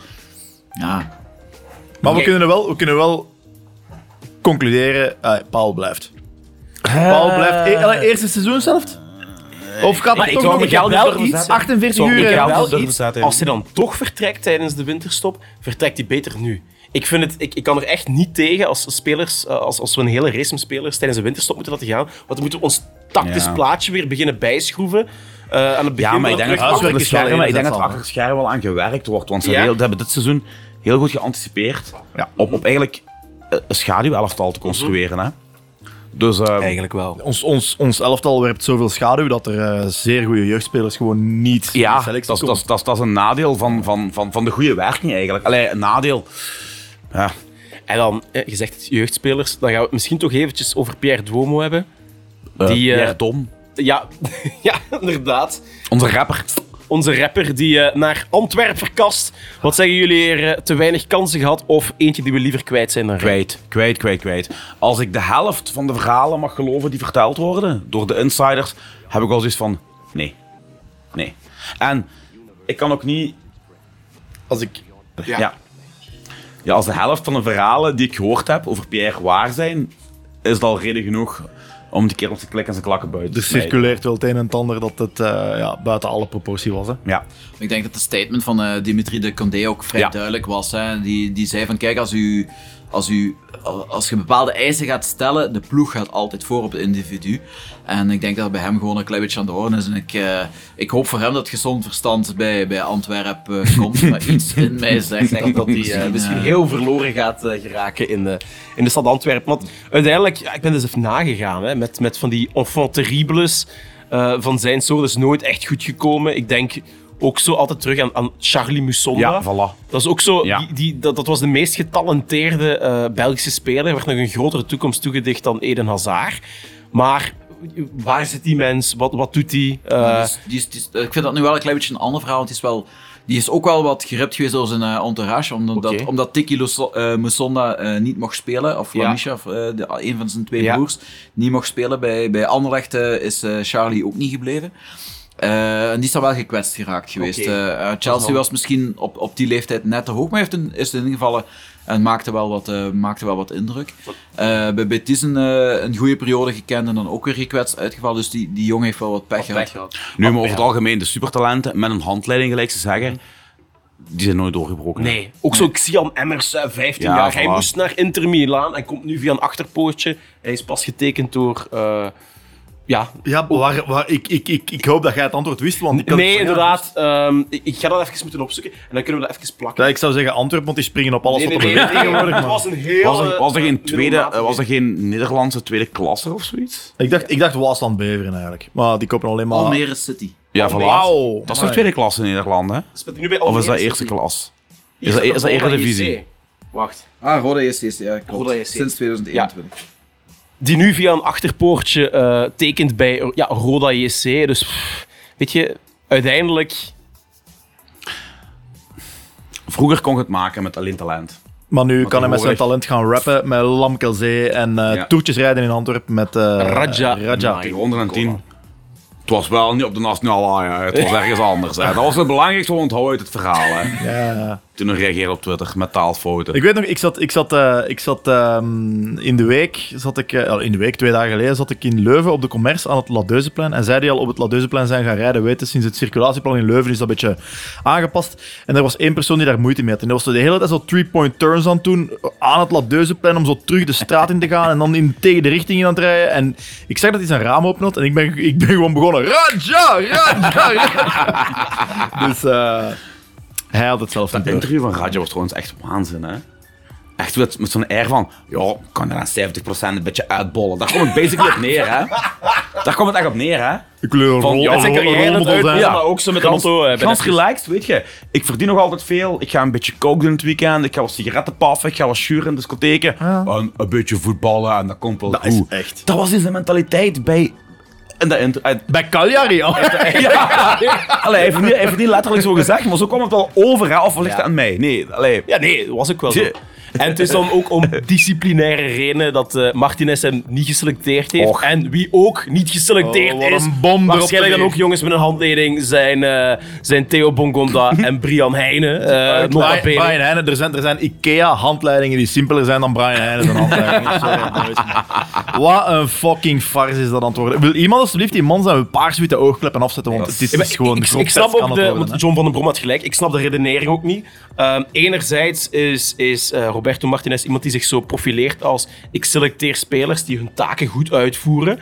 En hè, dan, dan, wordt het, dan komt het erop neer dat Theo Bongon dat, dat niet doet, verdedigt niet zo echt mee terug. Maar dan langs de andere kant is Brian Heijnen dan wel weer het schoolvoorbeeld Ja, voilà. van een heel plichtsbewuste voetballer die zijn taken... Dus het, het, het, het, slaat, Het kan nog wel. Als je, als je twee spelers hebt die gelijk play-off 1 en, en eigenlijk de periode voor play-off 1 ook alles kapot spelen in de Belgische competitie. Ja. En je verkiest die niet boven Verscharen, die al een anderhalf jaar ligt te wiezen op de bank. Ehm, dan denk ik van, kom jong, fuck uw uitleg jong. Allee, fuck uw uitleg. Dat is belachelijk. Maar zelfs, maar zelfs ik, zeg, ik snap de keuze voor Verscharen nog wel toekomstgericht. Maar ik Ja, snap, maar wacht, dit- luister, ik, ik snap die nu niet. Nee. Ik snap, hè, Verscharen, toen hij erbij gehaald was, eh, dat, je, dat je iemand haalt met een groot talent voor de komende jaren voor de Rode Duivels. Maar Verscharen is op dit moment niet goed bezig. Ik denk dat je een Verscharen op dit moment meer helpt met een niet-selectie dan wel een selectie. Eh, en dan heb je een vervanger klaarstaan die er misschien mee gediend is om wel geselecteerd te worden, die je misschien in de toekomst ooit gaat nodig hebben. Stel je voor dat er nog wat gebeurt op de linkerflank. ja. Shadley kan al tien jaar niet meer voetballen. Wat doet die, wat doet die kan, even, die kan ook gewoon DJ Dus- worden in Herb Square. DJ Charlie. Ik denk dat hij dan zelfs uitval heeft. Maar goed. Blesseert zich met een plaatje op te leggen. Dit is eigenlijk wel even zo een kanttekening, zo een kaderstukje dat je daarbij wil maken. Die scoort wel het meest heroïsche doelpunt van de Rode Duivels van de voorbije 20, 25 jaar. En we zitten hier die gewoon...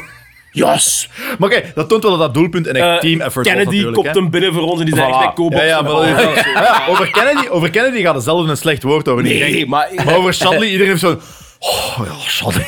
Ja, maar Kennedy, zijn naam staat Kennedy, allemaal schoon te blinken ja, in die... in die eh, optiek zou Kennedy nu nog altijd in de spits staan bij Genk. En dat Ja. is ook niet meer het geval. Hè. Dus, Breek me eh, de bek niet open. hè. Nee, nee.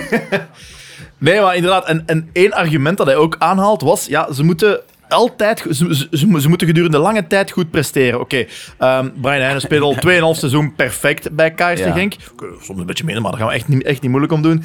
Theo, eh, ja, dankzij Theo hebben we deels de beker gewonnen. Ja. zijn statistieken. Ja, en zijn statistieken. En daar, daarboven staat, vorig jaar heeft hij en Hannes Delcroix en Di Matta opgeroepen na één goede fucking Ja, match. na Dus dan stel ik me de vraag, waarom Tresor er ook niet bij halen? Dit, Ja. ha- dit, dit raakt kant nog fucking Dat bal. zijn, drog, Sorry, maar... dat zijn drogredenen, omdat hij gewoon aan de piet van Company hangt, jong. Ja, ik denk inderdaad Allee, dat er een... ik, eh, zeg, ik zeg al sorry voor het woord F, voor het F-woord, maar ja, dan... eh, Ja, ja, ja, inderdaad. Ja, ik, ik, We zitten met een zwart. Ik heb geen we, gaan deze, we gaan deze R-raten. Deze, deze, maar ik ben, wel, ik ben wel blij. Ik vind dat wel heel erg sterk van John van den Brom. Ja, dat hij zeker. deze gelegenheid heeft aangenomen Om te doen. Ik vond het echt heel nobel. Ik denk- hij heeft het opgepikt. Dus dat vind ik ook vond wel dat heel mooi. En daar komt, daar komt de people manager naar boven. Ja. En ik weet, er wordt wat gelachen met dat woord people manager. Ja. Maar zeker in deze tijden heel belangrijk.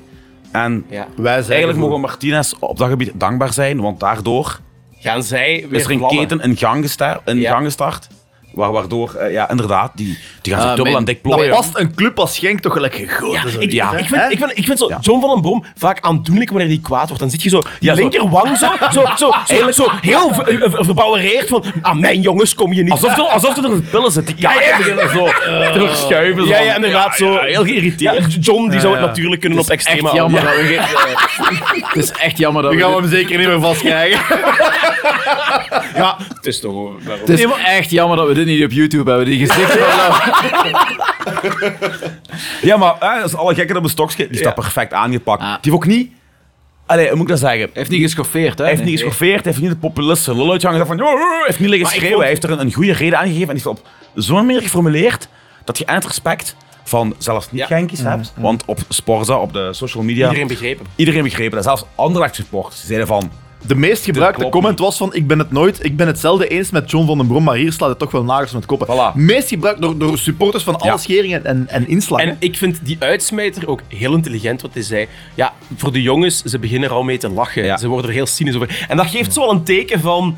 van eh, de van wereldvreemdheid een beetje de wereldvreemdheid ja, wordt, wordt dan zo uitgelicht. En ik- dat vond ik een heel mooie Ik uitsmijter. ook, want hij, Goed gedaan. ja, hij doet het op zo'n manier dat hem eigenlijk Martinez beledigt, maar ook weer niet. Ja. Op een Indirect, gentleman ja. manier. Heel slim gedaan. Plus, gelijk, gelijk we hier al, al gezegd hebben, die spelers gaan zich nu dubbel en dik plooien. Want en ze willen zich bewijzen, en ze willen zich gesteund door de coach. En als je voor je coach door het vuur gaat... Als ik, eh, als Ja. ik eh, mijn matchpraatje moest doen voor, eh, voor de wedstrijd van zondag, het was heel snel gebeurd. Ik, ik neem een selectielijst van de Rode Duivels, die plakte ik bij Brian en bij, Moranda op de, op de kastjes. Maar Lukumi evenzeer, want die is ook niet opgeroepen voor, eh, Ja. voor Colombia. Ja, en Mike Tresor als we de... Eh, de ja, Ja, Mike Tresor. Dat is misschien nog te kort. Nee, want Di Matta en Hannes Del Croix waren er ook bijna één goede match. Mike Dus jongens, drie goede ah, matches. plak dat maar op die kastjes en dan jongens van kijk, eh, je zit er niet bij, bewijs het maar waarom dat je er niet bij bent. Eh, ik denk dat die, die jongens gaan knallen zaterdag. En dan Zondag de kakker 6-0 naar huis sturen. Nu, we hebben ook wel de pech dat Anderlecht zelfs nee, vaak als ze in een dipje zitten of in een crisis, zoveelste crisis hebben, dan ze altijd tegen Genk het beste match van het seizoen spelen. 0-1, altijd. En als dat niet is, we krijgen rood. Als het dan niet is, voilà, dan krijgen ze Ja. hulp van, van, van, van de arbiter erbij. die, die wedstrijd, eh, daar in 2016... die- Ah, met Kara bij Oh, Anderlecht. Ja, ik, ik, ik blijf het gewoon... Dat was- met- Scoren naar Hans en eh Pozuelo krijgt rood en Colli ook nog, denk ik. Ja. ik- ja, ja, ja. Dat is- dat is we enigszins- waren ja, zo goed. Dat was... We waren zo goed. Maar goed, eh, ik zou zeggen, we gaan ze gewoon eh Opvreten. Dit weekend in de CGK Arena. Eh, wat vinden we daarvan, heren? Eh, mooie naam, die, die lekker Noodzakelijk kwaad of een platte commerce? Eerlijk gezegd, in deze tijd, boeit me geen ene fucking Nee. hol. Mooi. Ik, ik, ik vond zo in de, in de tijd, Allee. toen, we, toen wij de eerste waren met Ja. de Kristal Arena, toen in, in, in die tijdsgeest was dat nog van, wat gebeurt er hier? Jullie verkopen jullie ziel. Maar dit is zo veranderd. We leven in een tijd waar superleaks in het leven worden geroepen. Eh, er bedragen van 160 miljoen circuleren om Mbappé aan te trekken. Ja, ik denk dat, dat we ook gewoon niet meer bezig moeten zijn met die naam. Voor ons blijft het gewoon het stadion, Stadion. het stadion, Nee, nee, Stadion. geen lidwoord. Ja, Stadion. Waar gaat je? stadion. Stadion. En ik denk ook bijvoorbeeld, allee, als, als, als ik over het stadion van pakweg KV Mechelen nadenk, is het nog altijd in mijn hoofd achter de kazerne Ja. AFAS. Ja, eh, ja, inderdaad. het- dus het maakt niet uit en, en de, de echte naam waar het om draait, die blijft Wie, leven wie, in de geest van, van, van de Genkies gebruikt effectief de naam van het stadion? Nee, niemand. Het is Niemand. altijd Het gewoon. stadion. Ga naar het Je stadion. ziet, je ziet dat logo daar wel hangen als je aankomt en dat staat misschien op een ticket of op, een, of op een Ja, blad ergens eh, voor de visual. Ik heb, ik heb nooit Er zijn- Luminous Arena Er zijn twee zaken waar dat je niet aanraakt. Dat zijn de clubkleuren en het clublogo. Ja, de laatste dat hebben we al gehad. Die leidensweg hebben we, hebben we nu hopelijk eh, voor een, eh, voor een paar decennia doorleefd. Maar eh, het stadionnaam, nee, daar geeft, niet, daar geeft echt niemand om. Maar voor de antivaxers die eh, wel een menig aantal zijn in Genk, gaat het wel, oh mijn god, we krijgen 5G Ja, in het als stadion. die, als die daardoor gaan thuisblijven, Ideaal. dan is het een win-win, hè, jongens. Dan eh, vind ik het helemaal niet erg. Want het, er was, eh, er, was, er was nu een datum, er was nu een datum, eh, wat, was, wat, wat stond er? Eh 11-8 ging, ging iedereen die een, eh, een vaccin kreeg, eh, ja, gefrituurd worden omdat ze ergens een knopje zouden aandoen. Nee, nee, het was niet, het was niet 11-8, het was 8-11. Dat is wel gelijk die teugen van 8 Jehovah. november. En met chance spelen we een thuismatch in het 5G-stadion en dan gaat alles in vuur en vlam opgaan. Hey, dat is heel Dus wat Bengaals. blijf thuis. Goed. Anyway, we hebben het er juist al genoeg over punkrock gehad en over, eh, en over bands en dergelijke. Maar ja, één ding wat onze, waar onze centrale gasten niet aan ontsnappen is de plaat, de centrale plaat van onze centrale gast. Anthony, ik kijk uit naar uw plaat en ik denk dat, er, eh, dat het een stevig nummer gaat zijn. En het moet wel een link hebben, indirect of direct, met Racing Genk. Ah, ik moet hier even ter plekke gewoon een, een, Ja. een plaat. Nee, maar eh, je mocht de hele collectie even doorgaan. Neem ons mee op een persoonlijke reis. En geef dan gewoon het nummer wat mee in onze Spotify-lijst uiteindelijk wel distilleren tot één plaat. Ik zou dan gewoon gaan voor, gelijk al zei van de intro, het is time, dan zeggen we het al, jong. Oké. Want time betekent ook, het is strijden geblazen, het is vechten geblazen. Iets wat we elke fucking week opnieuw moeten doen. Oké, Dus, dan eh, gaat It's Clobbering Time onze nu al befaamde Spotify-lijst vervoegen. En eh, ja, daar vanaf te beluisteren.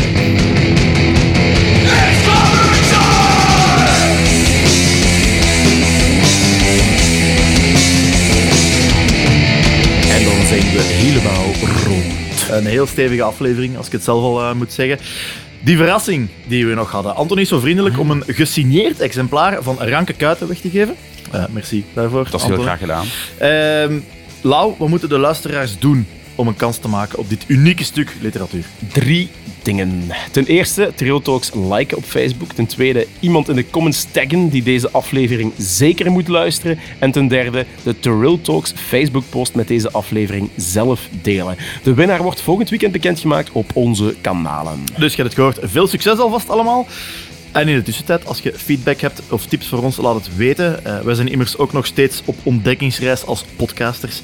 Contacteer ons via Blauw-Wit of op onze Facebookpagina, Twitterpagina of Instagram-pagina. Ons tracteren op een geuze mag ook nog steeds op buymeacoffee.com slash trill. Elke gift helpt ons om de kosten die bij het maken van een podcast komen te dekken. Ik bedank graag eh, Anthony Palaya voor erbij te zijn. Met alle plezier.